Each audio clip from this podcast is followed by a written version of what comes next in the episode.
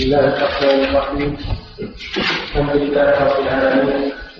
صلى الله وسلم على نبينا محمد وعلى آله وصحبه أجمعين.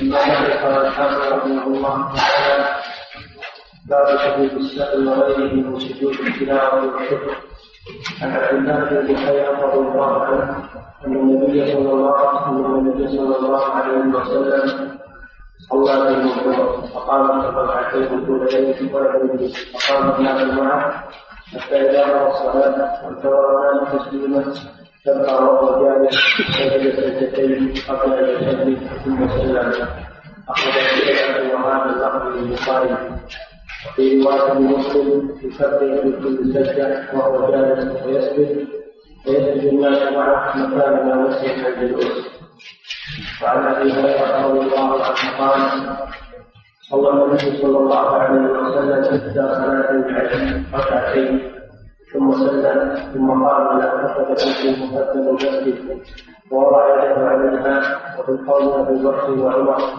فهذا ان الكلمات وخرج وخرج شعار الناس فقالوا قصرت الصلاة. وفي القول رجل يدعو النبي صلى الله عليه وسلم بين يديه فقال يا رسول الله أنسيت أن تصل أن تصل أن تصل الصلاة فقال لم أنس ولم أسخر فقال بلى قد نسيت. فصلى ركعتين ثم سلم ثم كبر ثم كبر ثم سجد مثل سجوده الأطول ثم رفع رأسه فكبر ثم وضع رأسه فكبر سجد مثل سجوده الأطول ثم رفع رأسه فكبر متفق عليه. واللفظ البخاري.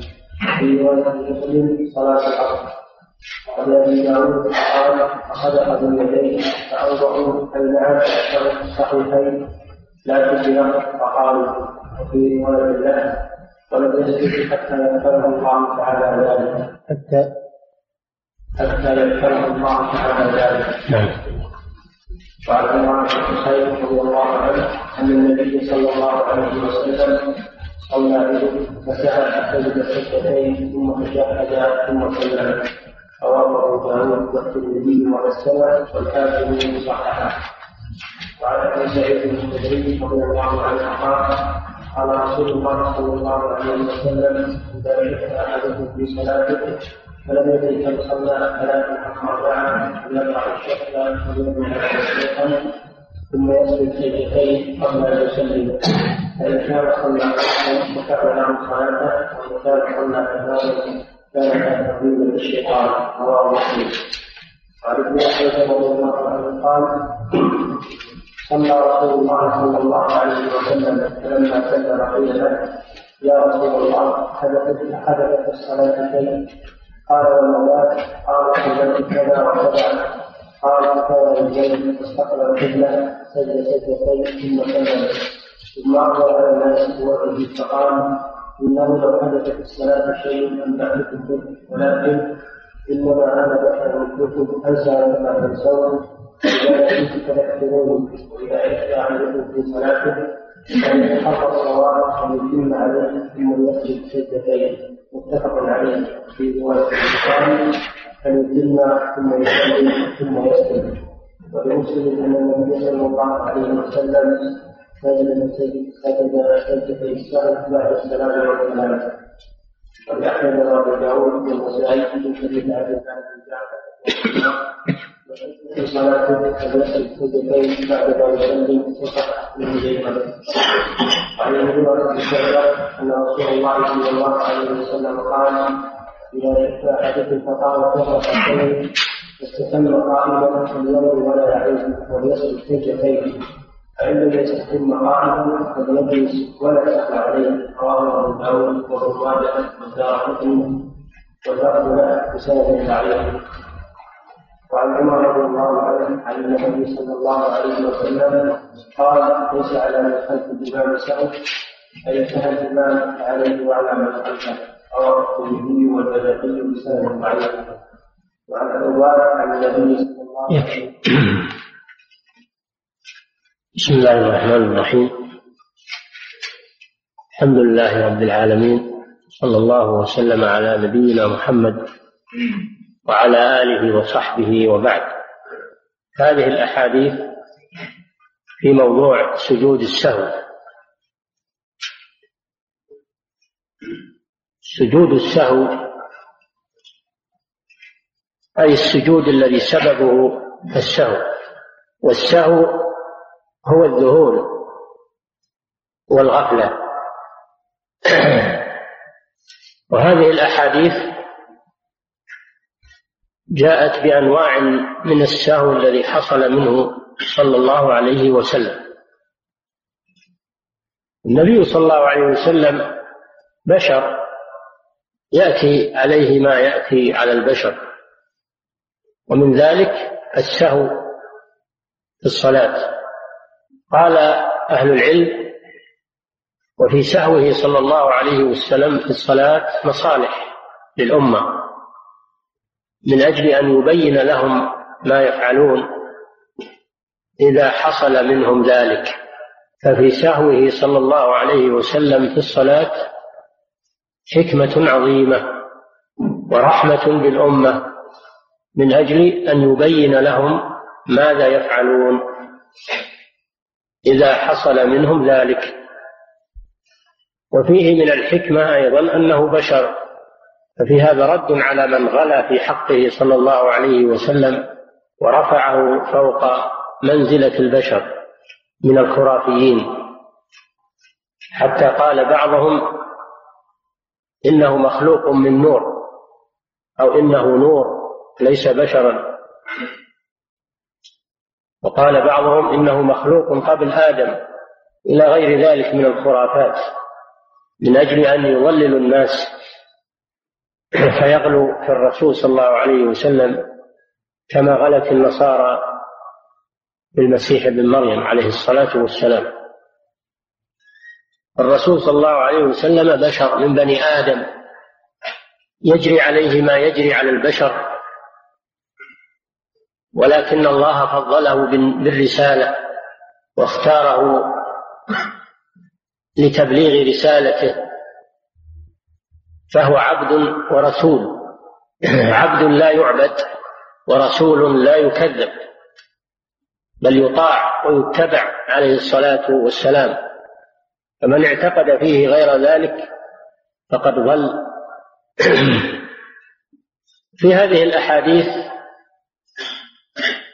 بيان لأنواع السهو الذي حصل منه صلى الله عليه وسلم في الصلاة وكيف فعل مع كل سهو حصل منه. ففي بعضها أنه قام من الثنتين ولم يتشهد التشهد الأول وفي بعضها أنه سلم من الثنتين في الرباعية. ثم أكملها. وفي بعضها أنه صلى خمسا صلى الرباعية خمسا ثم ذكر بعد ذلك. هذه ثلاثة أنواع من السهو الذي حصل له صلى الله عليه وسلم. سلم أنه قام من الثنتين ولم يتشهد. التشهد الأول أنه سلم قبل إتمام الصلاة أنه صلى الرباعية خمسا كل ذلك من باب السهو منه صلى الله عليه وسلم. في الحديث الأول نعم. عن عبد الله بن بحينة رضي الله عنه أن النبي صلى الله عليه وسلم صلى بين الظهر فقام الركعتين الأوليين ولم ولم يجلس. فقام الناس معه حتى إذا قضى الصلاة انتظر الناس تسليمه كبر وهو جالس وسجد سجدتين قبل أن يسلم ثم سلم. أخرجه السبعة وهذا لفظ البخاري. وفي رواية مسلم يكبر في كل سجدة وهو جالس ويسجد ويسجد الناس معه فكان لا نفس في هذا الحديث حديث عبد الله بن محينة رضي الله عنه. عبد الله بن بحينة نسبة إلى أمة بحينة. كما نسب ابن أم مكتوم إلى أمه. أن النبي صلى الله عليه وسلم صلى الظهر فقام في الثنتين ولم يجلس. فلما قضى الصلاة وانتظر الناس تسليمه كبر وسجد سجدتين قبل أن يسلم ثم سلم.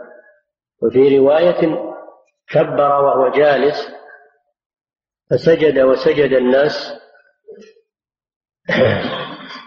سجد الناس معه.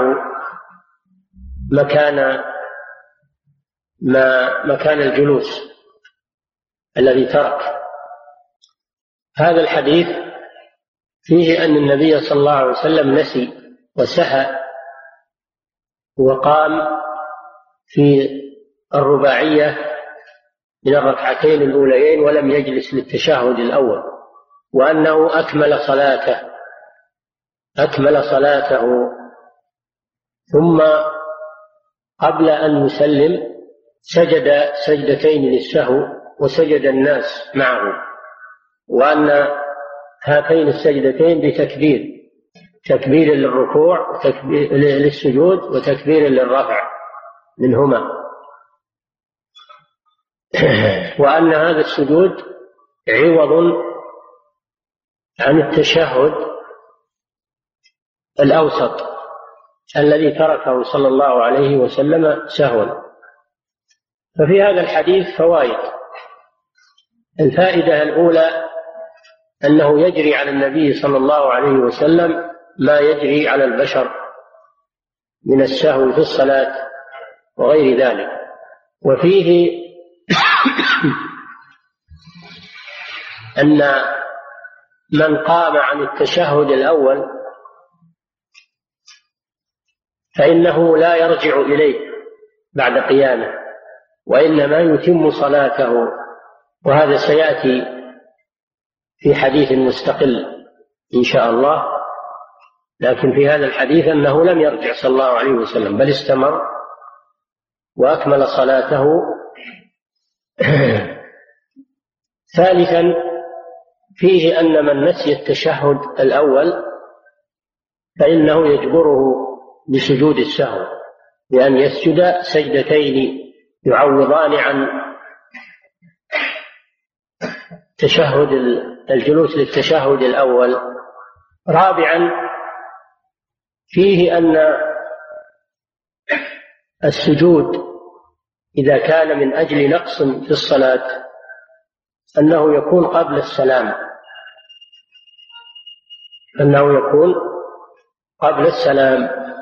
خامسا في الحديث أن سجود السهو مثل سجود الصلاة تماما بحيث إنه يكبر له في الخفض والرفع.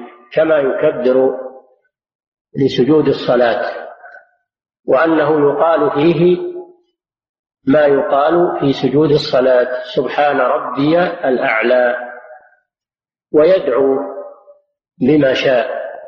هذا ما يدل عليه حديث ابن بحينة رضي الله عنه وهو في نوع من أنواع السهو في الصلاة.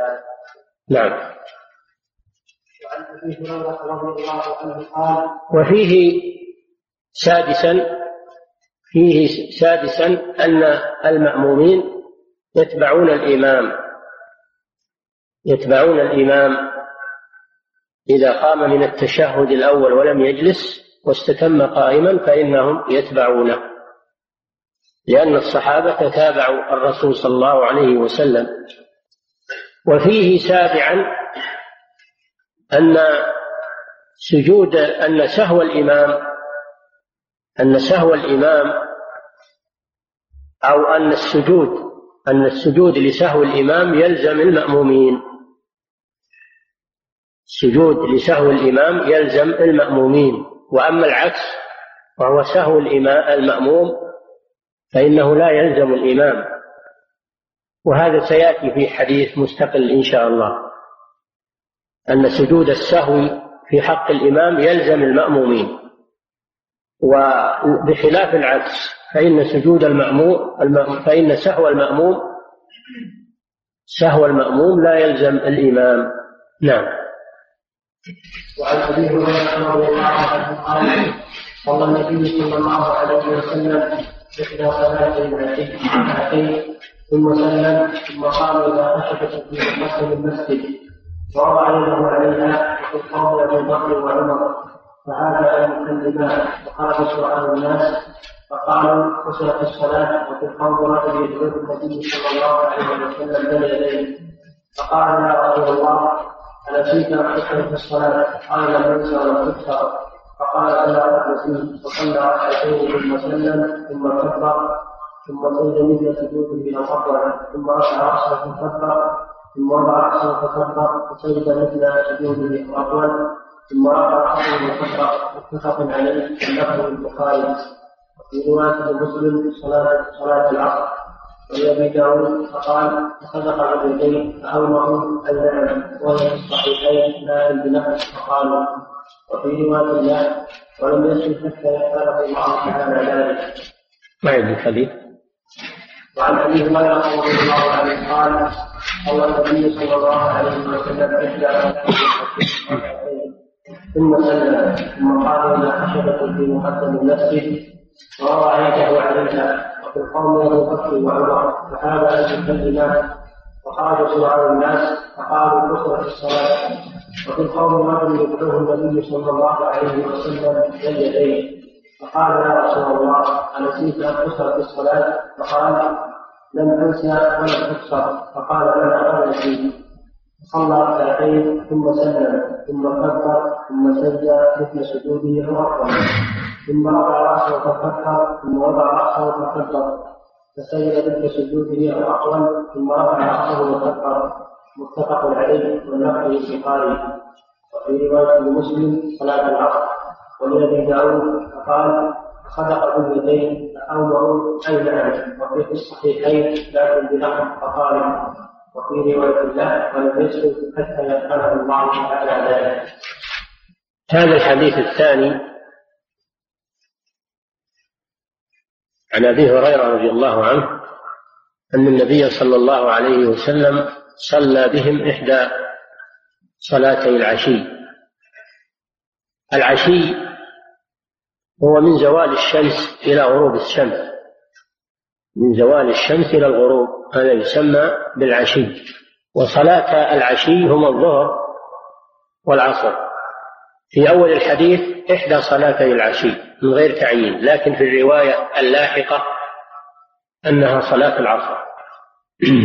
وفي رواية أنها صلاة الظهر. فسلم النبي صلى الله عليه وسلم من الركعتين. هذا نوع آخر من أنواع السهو الذي حصل له صلى الله عليه وسلم. أنه سلم من ركعتين في الرباعية ناسيا ثم قام صلى الله عليه وسلم بعد ما سلم إلى خشبة في مقدم المسجد وضع يده عليها كالمغضب صلى الله عليه وسلم. وفي رواية أنه خرج يجر رداءه كالمغضب عليه الصلاة والسلام. وفي القوم أبو بكر وعمر رضي الله تعالى عنهما وهما أفضل الصحابة على الإطلاق. فهابا أن يكلماه هاب أبو بكر وعمر أن يكلم النبي صلى الله عليه وسلم. فهذا فيه ما للرسول صلى الله عليه وسلم من الهيبة عند أصحابه. وخرج سرعان أو سرعان الناس. يصلح سرعان بفتحتين جمع سريع. ويصلح سرعان بضم السين وسكون الراء. والمعنى واحد. سرعان أو سرعان جمع سريع. أي خرج أهل السرعة في الخروج من الناس وقالوا قصرت الصلاة. صاروا يتحدثون. قالوا قصرت الصلاة. وفي القوم رجل يقال له ذو اليدين. يسميه النبي صلى الله عليه وسلم ذا اليدين. لطول يديه. لطول في يديه. فقال يا رسول الله قصرت الصلاة أم نسيت؟ فقال لم تقصر ولم أنسى. قال بلى قد نسيت. فقام النبي صلى الله عليه وسلم فصلى ركعتين. ثم سجد سجدتين للسهو يكبر يكبر لكل سجدة في انخفاضه وفي رفعه منها. ففي هذا الحديث أنه صلى الله عليه وسلم سلم قبل إتمام الصلاة سلم من ركعتين في صلاة العصر. ناسيا عليه الصلاة والسلام. ثم قام إلى خشبة في مقدم المسجد ووضع يده عليها ثم حصل من الصحابة كلام ومحاورة. قصرت الصلاة نسيت يا رسول الله. آه سألهم النبي صلى الله عليه وسلم أصدق ذو اليدين؟ فأومأوا. أي نعم أجابوا بالإشارة. ولم يتكلموا. وفي رواية أنهم تكلموا وقالوا نعم أي صدق ذو اليدين. ففيه أنه حدثت هذه الأفعال في أثناء الصلاة. القيام من الرسول صلى الله عليه وسلم وانتقاله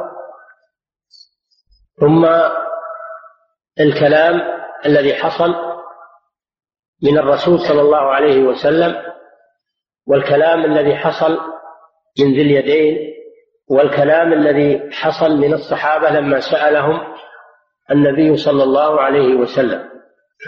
فدل هذا على أن هذه الأمور إذا حصلت لا تبطل الصلاة. قالوا لأنها من مصلحتها فالكلام في الصلاة لا يبطلها إذا كان مثل ما حصل في هذه الواقعة لأنه من مصلحة الصلاة. وأما الكلام الذي نهى عنه الرسول صلى الله عليه وسلم في الصلاة في قوله في قوله صلى الله عليه وسلم إن صلاتنا هذه لا يصلح فيها شيء من كلام الناس كما سبق. وفي قوله تعالى وقوموا لله قانتين قال فأمرنا بالسكوت ونهينا عن الكلام.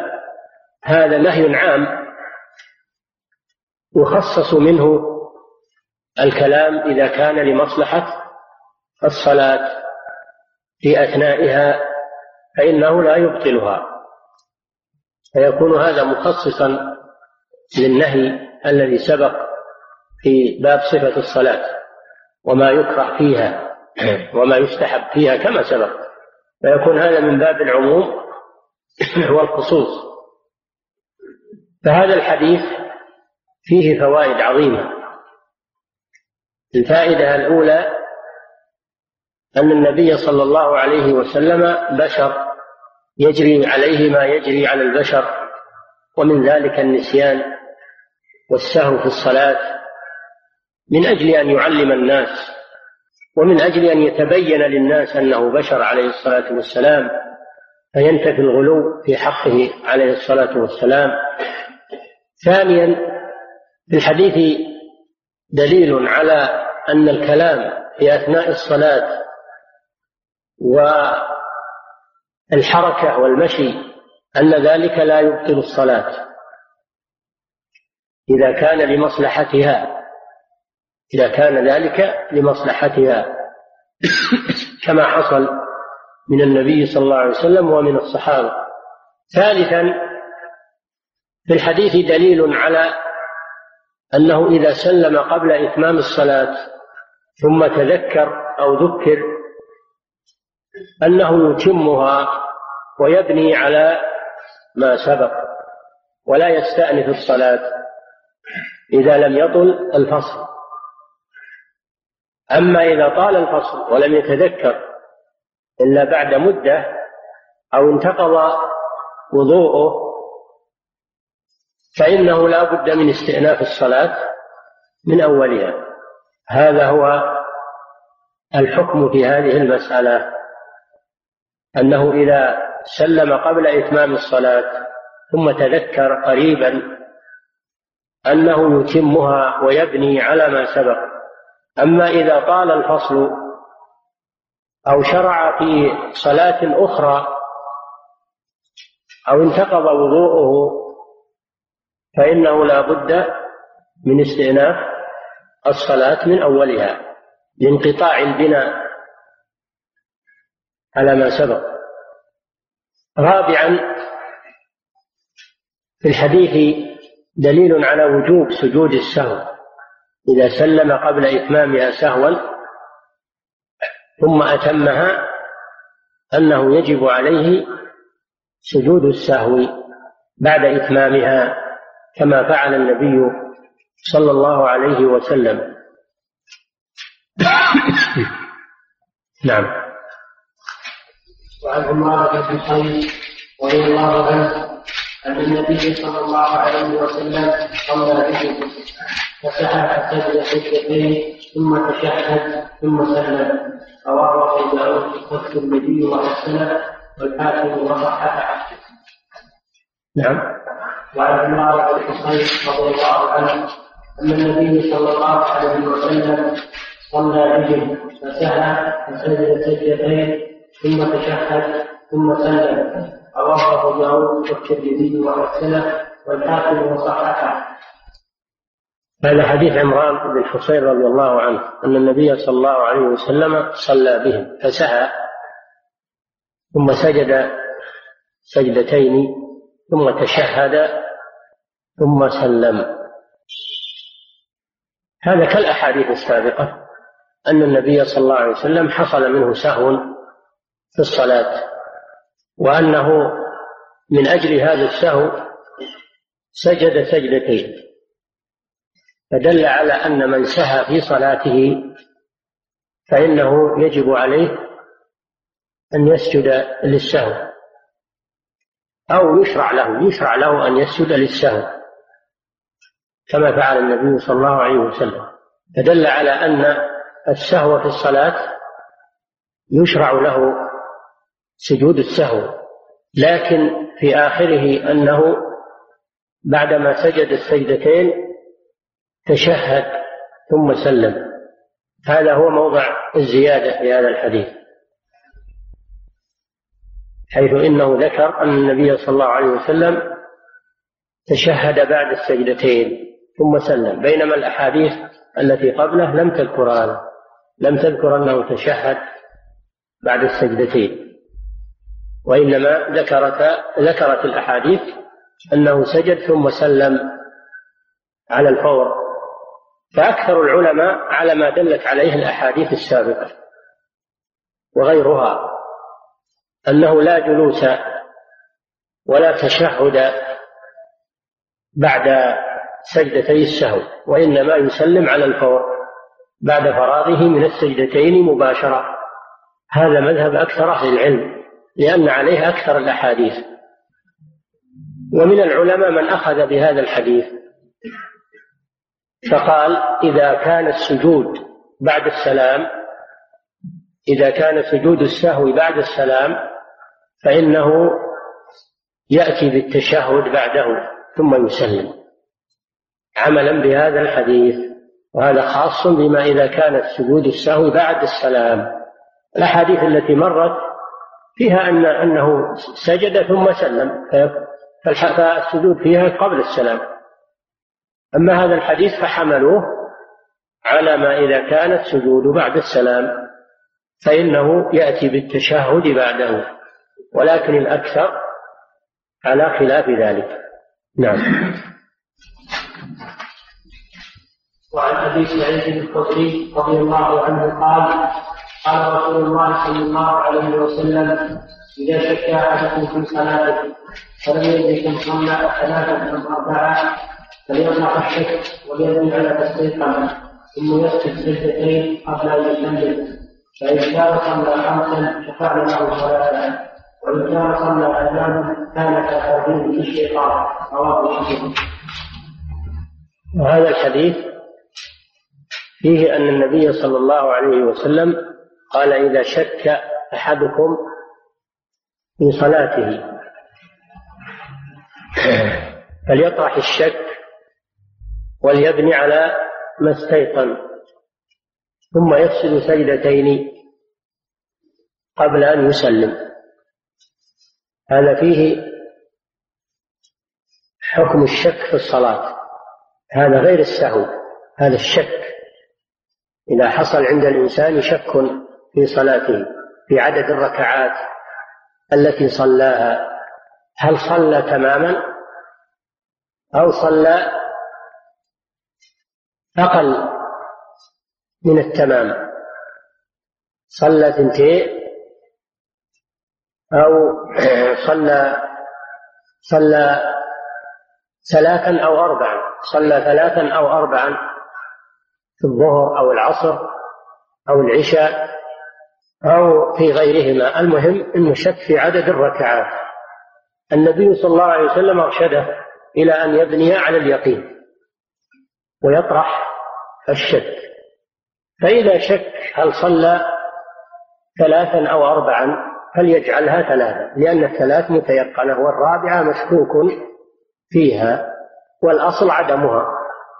الأصل عدمها. أما الثلاث فإنه مستيقن لها فيبني على اليقين ويطرح الشك يعني يترك ما شك فيه من الركعات ويأتي بدله بركعة ليخرج من الصلاة بيقين ثم يسجد للسهو قبل السلام. من أجل هذا الشك والتردد الذي حصل له. فهذا الحديث فيه أن الشك يوجب سجود السهو.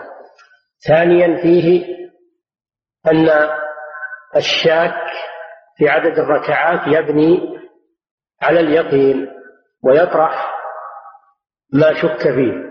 ثالثا فيه أنه يسجد للسهو.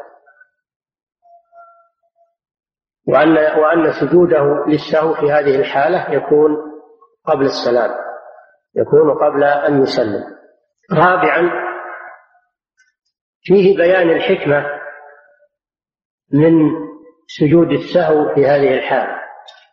وهي أنه إن كان صلى خمسا فإن سجدتي السهو يشفعان له صلاة فتكون ستا تكون ستا لأن صلاة الظهر شفع صلاة العصر شفع صلاة العشاء شفع صلاة الفجر شفع فإذا كان صلى زيادة على الشفع صارت صلاته وترا صلى مثلا المغ... صلى مثلا العشاء خمسا أو الظهر أو العصر خمسا صارت شفعا صارت وترا في حين أن الله شرعها شفعا. فيأتي بالسجدتين من أجل أن يزول هذا الوتر وأن تكون الصلاة شفعا كما شرعها الله سبحانه وتعالى. إن كان صلى تماما يشفعان له صلاته وإن كان صلى تماما يعني صار الشك هذا ما لها صل وصار صارت صلاته موافقة للمشروع. فإن هاتين السجدتين يكونان ترغيما للشيطان. ترغيما للشيطان. لأن هذا الشك إنما حصل للإنسان من الشيطان. فيسجد المسلم ترغيما له ترغيم يعني إهانة له. الترغيم معناه الإهانة. يقال أرغم الله أنفه أو رغم أنفه. مأخوذ من الرغام وهو التراب. والإنسان إذا إذا دس أنفه في التراب ومرغ أنفه في التراب فقد أهين في الرغام يعني. إذا إذا دس أنفه في الرغام أو مرغ في الرغام فهو إهانة له. فلذلك سميت الإهانة ترغيما. أخذا من هذا الأصل. فكل إهانة تسمى ترغيم. أخذا من هذا الأصل. لأن الأصل أن الذي تراد إهانته يفرك أنفه في التراب الذي هو الرغام هذا هو الأصل. فسميت كل إهانة ترغيما وإرغاما ويقال رغم أنفه من هذا الأصل. فإذا كان المسلم لم يشك في صلاته صلاته صحيحة فإن هاتين السجدتين يحصل بهما إهانة للشيطان. الذي جلب له هذا الوسواس. نعم. ابن مسعود رضي الله عنه قال صلى رسول الله صلى الله عليه وسلم.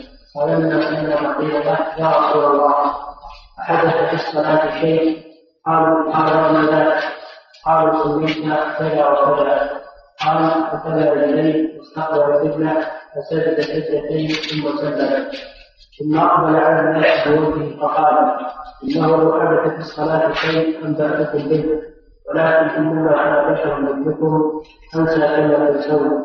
فإذا نسيت فاذكروني وإذا شك أحدكم في صلاته فليتحرى الصواب فليتم عليه ثم يسجد سجدتين. متفق عليه. وفي رواية البخاري فليتم ثم يسجد ثم يسجد. ولمسلم أن النبي صلى الله عليه وسلم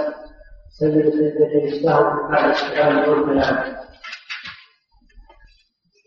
هذا الحديث فيه واقعة أخرى مما وقع له صلى الله عليه وسلم من السهو في الصلاة. واقعة ثالثة. واقعة ثالثة وهو أنه صلى الله عليه وسلم صلى بهم. ثم لما سلم قالوا له يا رسول الله حدث شيء في الصلاة؟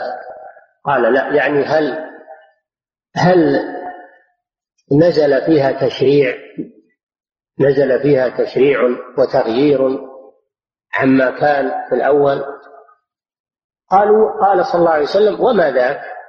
استفهم منهم. قالوا صليت كذا وكذا. بمعنى أنه صلى خمسا عليه الصلاة والسلام. صلى خمسا. ففيه أدب الصحابة مع رسول الله صلى الله عليه وسلم وأنهم ما قالوا له إنك نسيت أو إنك سهوت بل قالوا أحدث شيء في الصلاة لأنه ربما يكون أنه شرع جديد من الله سبحانه وتعالى.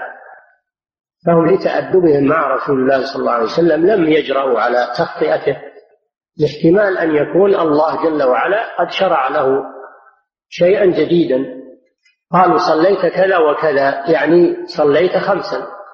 فثنى النبي صلى الله عليه وسلم رجليه واستقبل القبلة وسجد سجدتين ثم سلم ثم أقبل على الناس بوجهه وقال إلى آخر ما يأتي. فدل هذا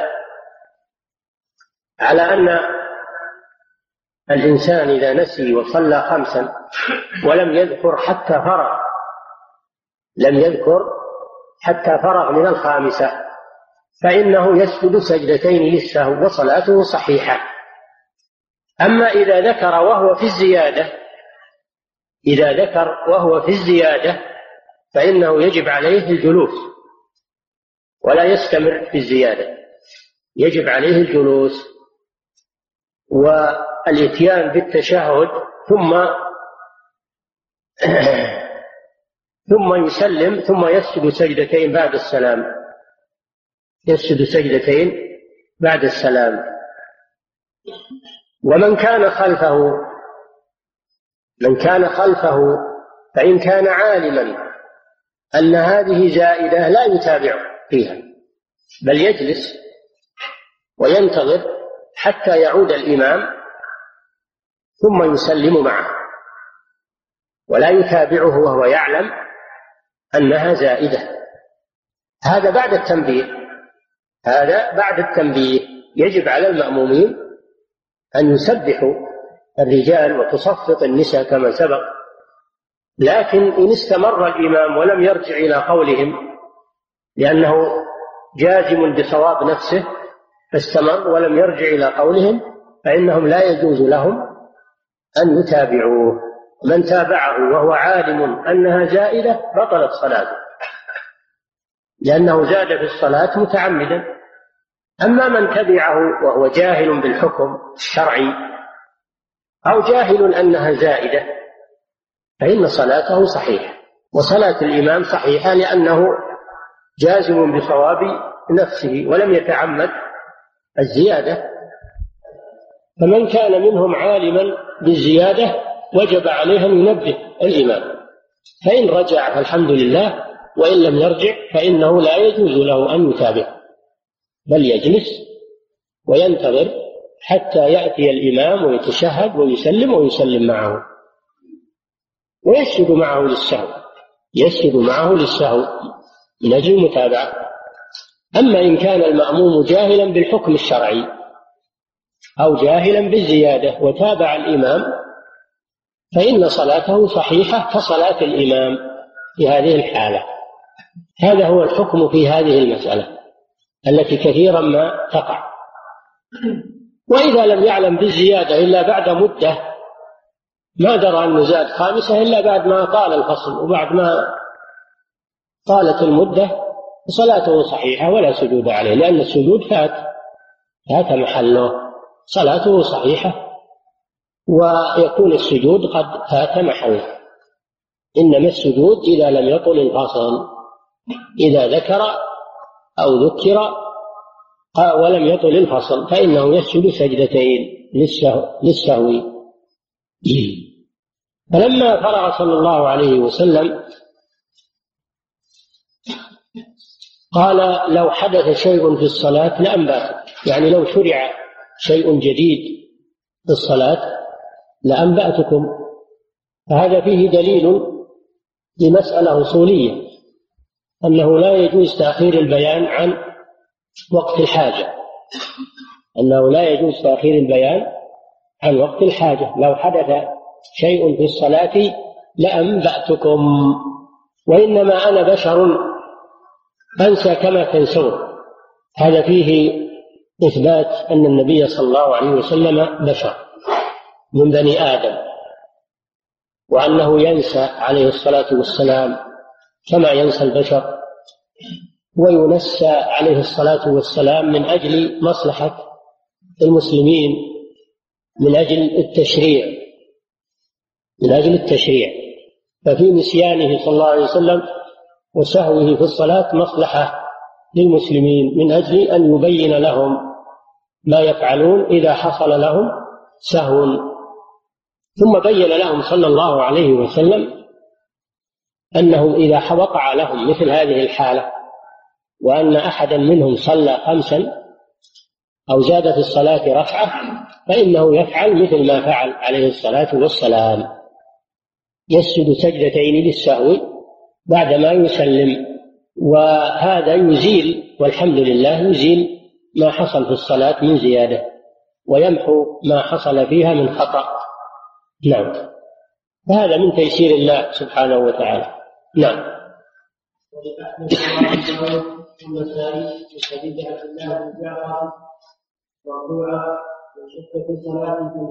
فهذا الحديث فيه فوائد عظيمة.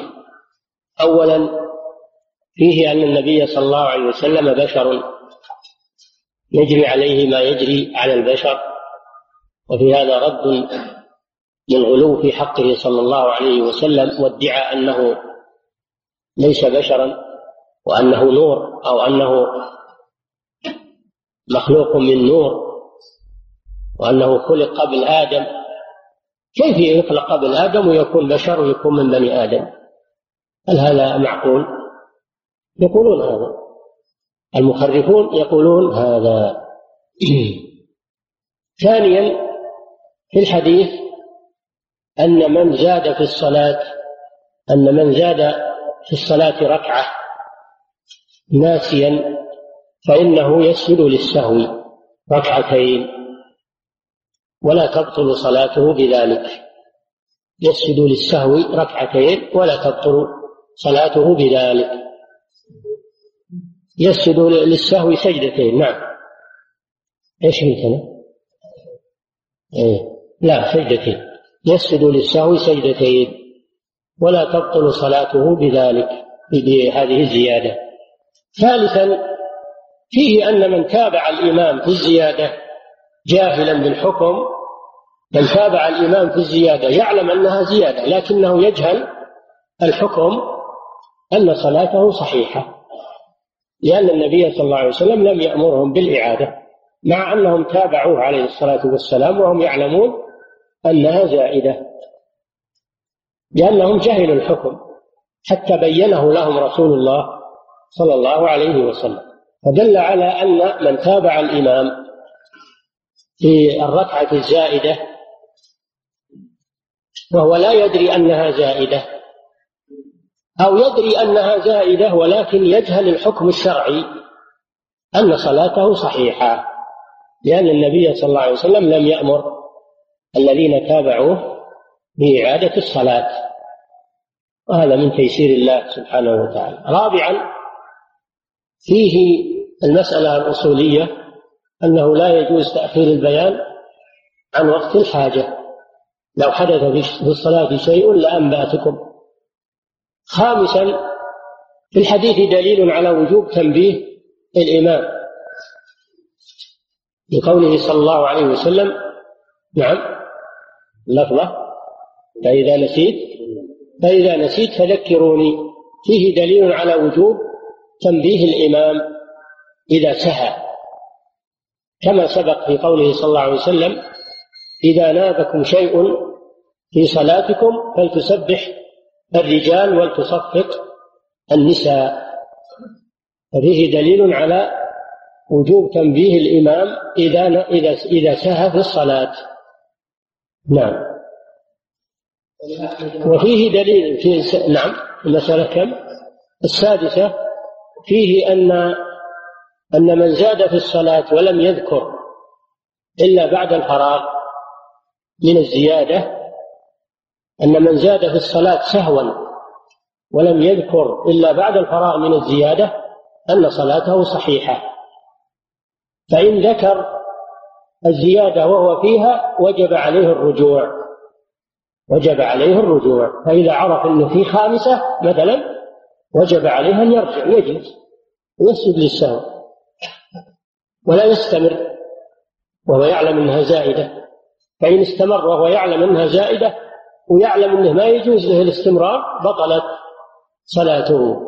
سابعا في الحديث دليل على أن على أنه إذا تذكر السهو بعد السلام ولم يطل الفصل أنه يجب عليه أن يسجد سجدتي السهو أما إذا طال الفصل فإنه يسقط عنه سجود السهو وصلاته صحيحة.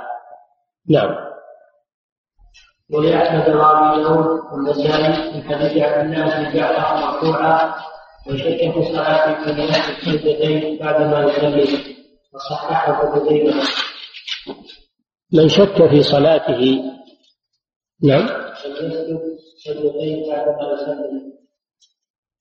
هذا سبق في حديث إنه إذا شك هل صلى اثنتين أو ثلاثا أنه يبني على ما استيقن. ويسجد قبل السلام. بينما هذا الحديث يقول يسجد بعدما يسلم. يسجد من أجل الشك بعدما يسلم. فما الجمع بين الحديثين؟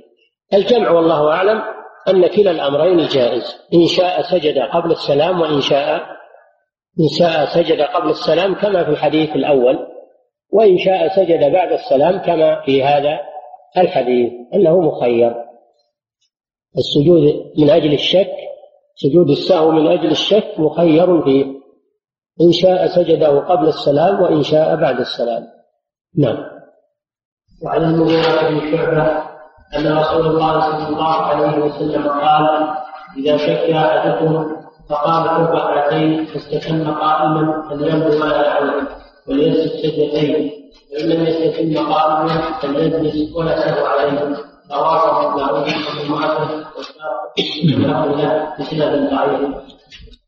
هذا الحديث فيه أن من قام وترك التشهد الأول من قام وترك التشهد الأول سهوا فإن تذكر بعدما استتم قائما فإنه لا يعود بل يستمر.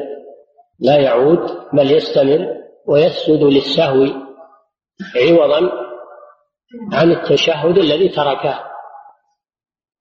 أما إن تذكر قبل أن يستتم قائما فإنه يرجع. يجب عليه الرجوع. يجب عليه الرجوع والإتيان بالتشهد الأول. وهل يسجد للسهو؟ هذا الحديث يقول ليس عليه سهو. يقول ليس عليه سهو. ولكن عموم الحديث الذي سبق في قيامة صلى الله عليه وسلم من الثنتين ولم يتشهد وأنه سجد للسهو يدل على أنه يسجد للسهو. وأيضا حصل منه حركة حصل منه حركة وقيام ثم رجوع وهذه زيادة في الصلاة فتستوجب سجود السهو. وهذا الحديث كما سمعتم ضعيف هذا الحديث ضعيف فلا يتم الاستدلال به على إسقاط سجود السهو في هذه الحالة. فالحاصل أن هذا الحديث فيه تفصيل لمن قام عن التشهد الأول أنه إن لم يتذكر إلا بعدما استتم أنه يمضي ولا يرجع وعليه سجود السهو كما سبق في فعله صلى الله عليه وسلم. أما إن تذكر قبل أن يستتم قائما فإنه يجب عليه الرجوع. قال العلماء والحكمة في ذلك أنه إذا استتم قائما فقد شرع في ركن والجلوس للتشهد الأول واجب فلا يرجع من الركن إلى الواجب. لا يرجع من الركن إلى الواجب. وأما إذا ذكر قبل أن يستتم قائما فإنه لم يشرع في ركن. فإنه لم يشرع في ركن. وما زال في آه ما زال في حيز الجلوس فيرجع إليه يرجع إليه لكن يسجد للسهو في الحالتين. حالة ما إذا لم يرجع لاستتمامه قائما وحالة ما إذا رجع لأنه لم يستتم. لأنه في الأولى ترك التشهد الأول فيجبره بسجود السهو. وفي الحالة الثانية حصل منه حركة وانتقال حصل منه حركة وانتقال. ثم رجوع. هذا زيادة في الصلاة يوجب عليه سجود السهو نعم. وعن عمر رضي الله عنه عن النبي صلى الله عليه وسلم قال ليس على من خلف الإمام سهو فإن سهى الإمام فعليه ما لا يترك رواه الترمذي والبيهقي شاهد ضعيف. ليس على من خلف الإمام سهو فإن سهى الإمام فعليه وعلى من خلفه. هذا الحديث يدل على مسألتين. المسألة الأولى أنه إذا سهى المأموم ولم يسهو الإمام فإن المأموم ليس عليه سجود. قالوا يتحمله الإمام. هذا من المسائل التي يتحملها الإمام عن المأموم. فإذا سهى المأموم ولم يسهو الإمام فإن المأموم ليس عليه سجود سهو. هذه مسألة. المسألة الثانية أنه إذا سهى الإمام ولم يسهو المأموم أن المأموم يلزمه السجود وإن لم يحصل من المأموم سهو. تبعا لإمامه لقوله صلى الله عليه وسلم إنما جعل الإمام ليؤتم به فلا تختلفوا عليه. فسجود الإمام يتعدى إلى المأموم. بينما سجود المأموم لا يتعدى إلى الإمام. هذا ما يدل عليه هذا الحديث. نعم. وعن ثوبان عن النبي صلى الله عليه وسلم أنه قال لكل سهل سجدتان بعد ما يسلم رواه ابو داود وابو ماجه بسند ضعيف. لكل سهو سجدتان بعد ما يسلم لكل سهو سجدتان هذا تدل عليه الأحاديث السابقة. لكن بعد ما يسلم هذا محل النظر وبعد الأذان إن شاء الله. نعم.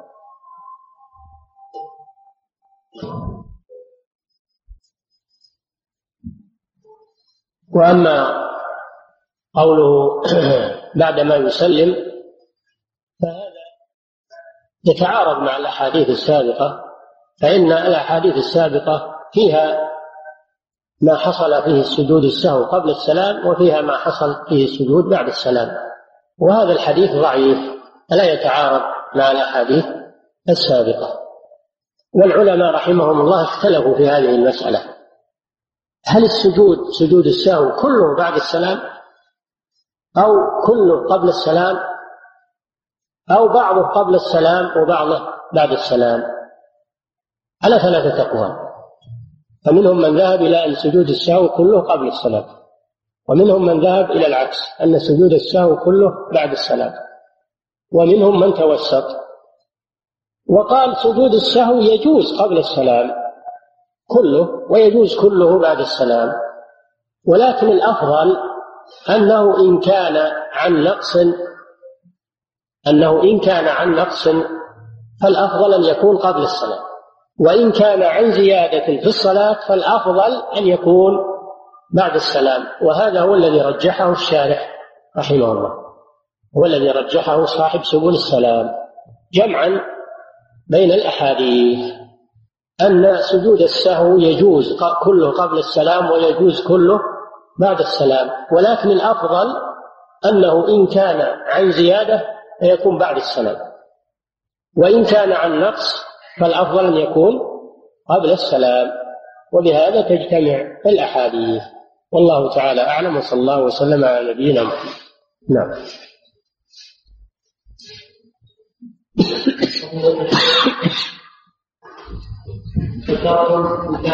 الخامسة من فوائد الحديث الأول. أن سجود السهو مثل سجود الصلاة تماما؟ يكبر الخفض والرفع نعم والسؤال هل يلزم الإمام رفع اليدين في الخفض والرفع وكذلك المأمومين هذا سبق أن سأل السائل عنه وأجبنا. قلنا ما يجوز رفع اليدين عند السجود ولا عند القيام من السجود لأن هذا لم يشرعه رسول الله صلى الله عليه وسلم. وإنما رفع اليدين في أربعة مواضع عند تكبيرة الإحرام وعند الركوع وعند الرفع من الركوع وعند القيام من التشهد الأول. هذه مواضع رفع اليدين مع التكبير وما عداها لم يشرع. نعم. إذا كانت الصلاة في صلاة الليل أو التطوع يعني مثنى مثنى لكن حصل نسيان بعد الركعة الثانية وقام للثالثة فلا يتمها ويشفعها بركعة الرابعة ثم يسجد للسهو أو يرجع إلى الثالثة ثم يسجد للسهو هذا لا يجوز في صلاة الليل. لقوله صلى الله عليه وسلم صلاة الليل مثنى مثنى. فلا يجوز أن يزيد على ثنتين فإن قام إلى ثالثة وجب عليه الرجوع. يقولون كمن قام إلى ثالثة في فجر يجب عليه الرجوع. لأن صلاة الليل مثنى مثنى أما صلاة النهار إذا صار الإنسان يتنفل في النهار ونسي وقام إلى ثالثة قالوا فهو مخير. إن شاء جلس وسجد للسهو وإن شاء أتمها أربعة لأنه يجوز التطوع في النهار بأربع ركعات. أما الليل فلا يجوز التطوع فيه إلا مثنى مثنى كما قال عليه الصلاة والسلام. نعم. واحدة ونبه بعد ما سلم. إذا صلت في التراويح واحدة ونبه بعد ما سلم يقوم ويأتي بالثانية ويسجد للسهو. نعم. فضيلة الشيخ جماعة كانوا يصلون التراويح ونسي الإمام السجدة الثانية والركعة الثانية. وسلم ثم ذكره المأمون فكبر وسجد ثم سلم. واستدار نحو الناس فقال له اسجد للسهو فلم يسجد فما الحكم في ذلك؟ فعله هذا خطأ. الواجب أن أتى بالسجود ثم أتى بالتشهد بعده ثم سلم وسجد للسهو أو سجد للسهو قبل أن يسلم. لازم من هذه الأمور. يأتي بالسجود ثم يأتي بالتشهد لأن التشهد الأول ما هو صحيح ثم يسجد للسهو إن شاء قبل السلام وإن شاء بعد السلام. نعم. فضيلة الشيخ إذا كان الوقت مأموما والإمام قائما للخامسة ولم يجلس التشهد الأخير فماذا يفعل المأموم الذي على يقين بقطع الإمام؟ لا يتابعه. لا يتابعه. يجب عليه أن لا يتابعه. فإن كان مسبوقا وقام ليقضي ما فاته. أو قام الإمام إلى خامسة وهو يعلم إنها خامسة يفارقه يفارقه ويكمل صلاته. نعم. فضيلة الشيخ هل يجوز للمأموم أن يتكلم بكلام ليعلن الإمام أنه خامسة إذا لم يفهم الإمام نوع الخطأ في التسبيح؟ يقول سبحان الله سبح به تسبيح. وقال أهل العلم إن جاء بآية إن جاء بآية فيها التنبيه فلا بأس. إذا وجد آية تدل على التنبيه فوقرأها لأجل تنبه الإمام مثل ما لو نسي الركوع فقرأ الإمام واركعوا مع الراكعين لأجل ينبه أنه نسي الركوع أو نسي السجود وقال الإمام المأموم واسجد واقترب فيتذكر الإمام أنه ناسي السجود فلا بأس. إذا جاء بآية فيها تنبيه على السهو فلا بأس. أما كلام عادي لا. يقول الرسول صلى الله عليه وسلم يسبح الرجال يكفي التسبيح. نعم. فضيلة الشيخ هل يجوز للإمام ترك سجود السهو عندما يحق في صلاته اعتمادا على سقوط المأمومين؟ لا إذا حصل له شك إذا حصل له شك فإنه يسجد للسهو لأن هذا الشك نوع من السهو. والنبي صلى الله عليه وسلم يقول إذا شك أحدكم في صلاته فليسجد. نعم. متى يكون سجود سجود السهو سنة والفقهاء يقولون يشرع سجود السهو لزيادة في الصلاة سهوا أو نقص منها سهوا أو شك في الجملة. يعني موجبات سجود السهو ثلاثة أمور إما زيادة في الصلاة وإما نقصان من الصلاة وإما شك فيها. نعم. وقيل متى يكون سجود السهو سنة لا المصلي من نعم يكون سنة إذا كان من أجل ترك سنة.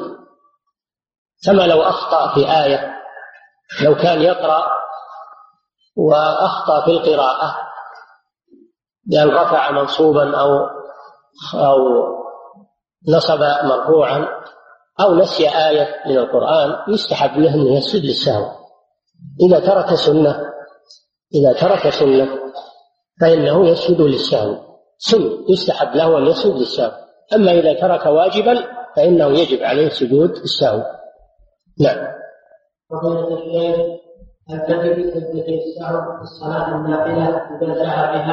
نعم مثل الفريضة تماما تجب فيها يجب فيها سجود السهو كما يجب في الفريضة. نعم.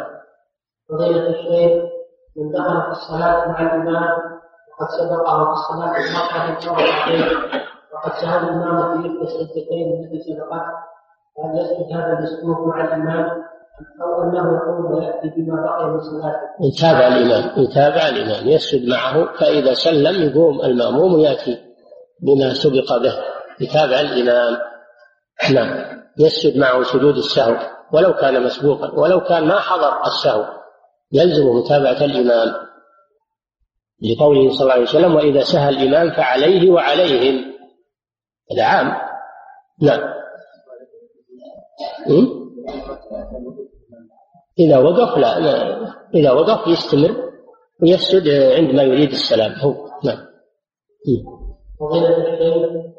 أرجو التوضيح في هذا عندما قال ابن زيد الرسول صلى الله عليه وسلم أقصرت الصلاة النسيت قال صلى الله عليه وسلم لم أنسى ولا تقصر فقال قد نسيت نعم وش فيه؟ اي نعم هذا ذو اليدين يذكر النبي صلى الله عليه وسلم ما في شيء. يذكر النبي صلى الله عليه وسلم. لأن الرسول قال لم تقصر. الرسول قال لم تقصر. فما دام قال لم تقصر دل على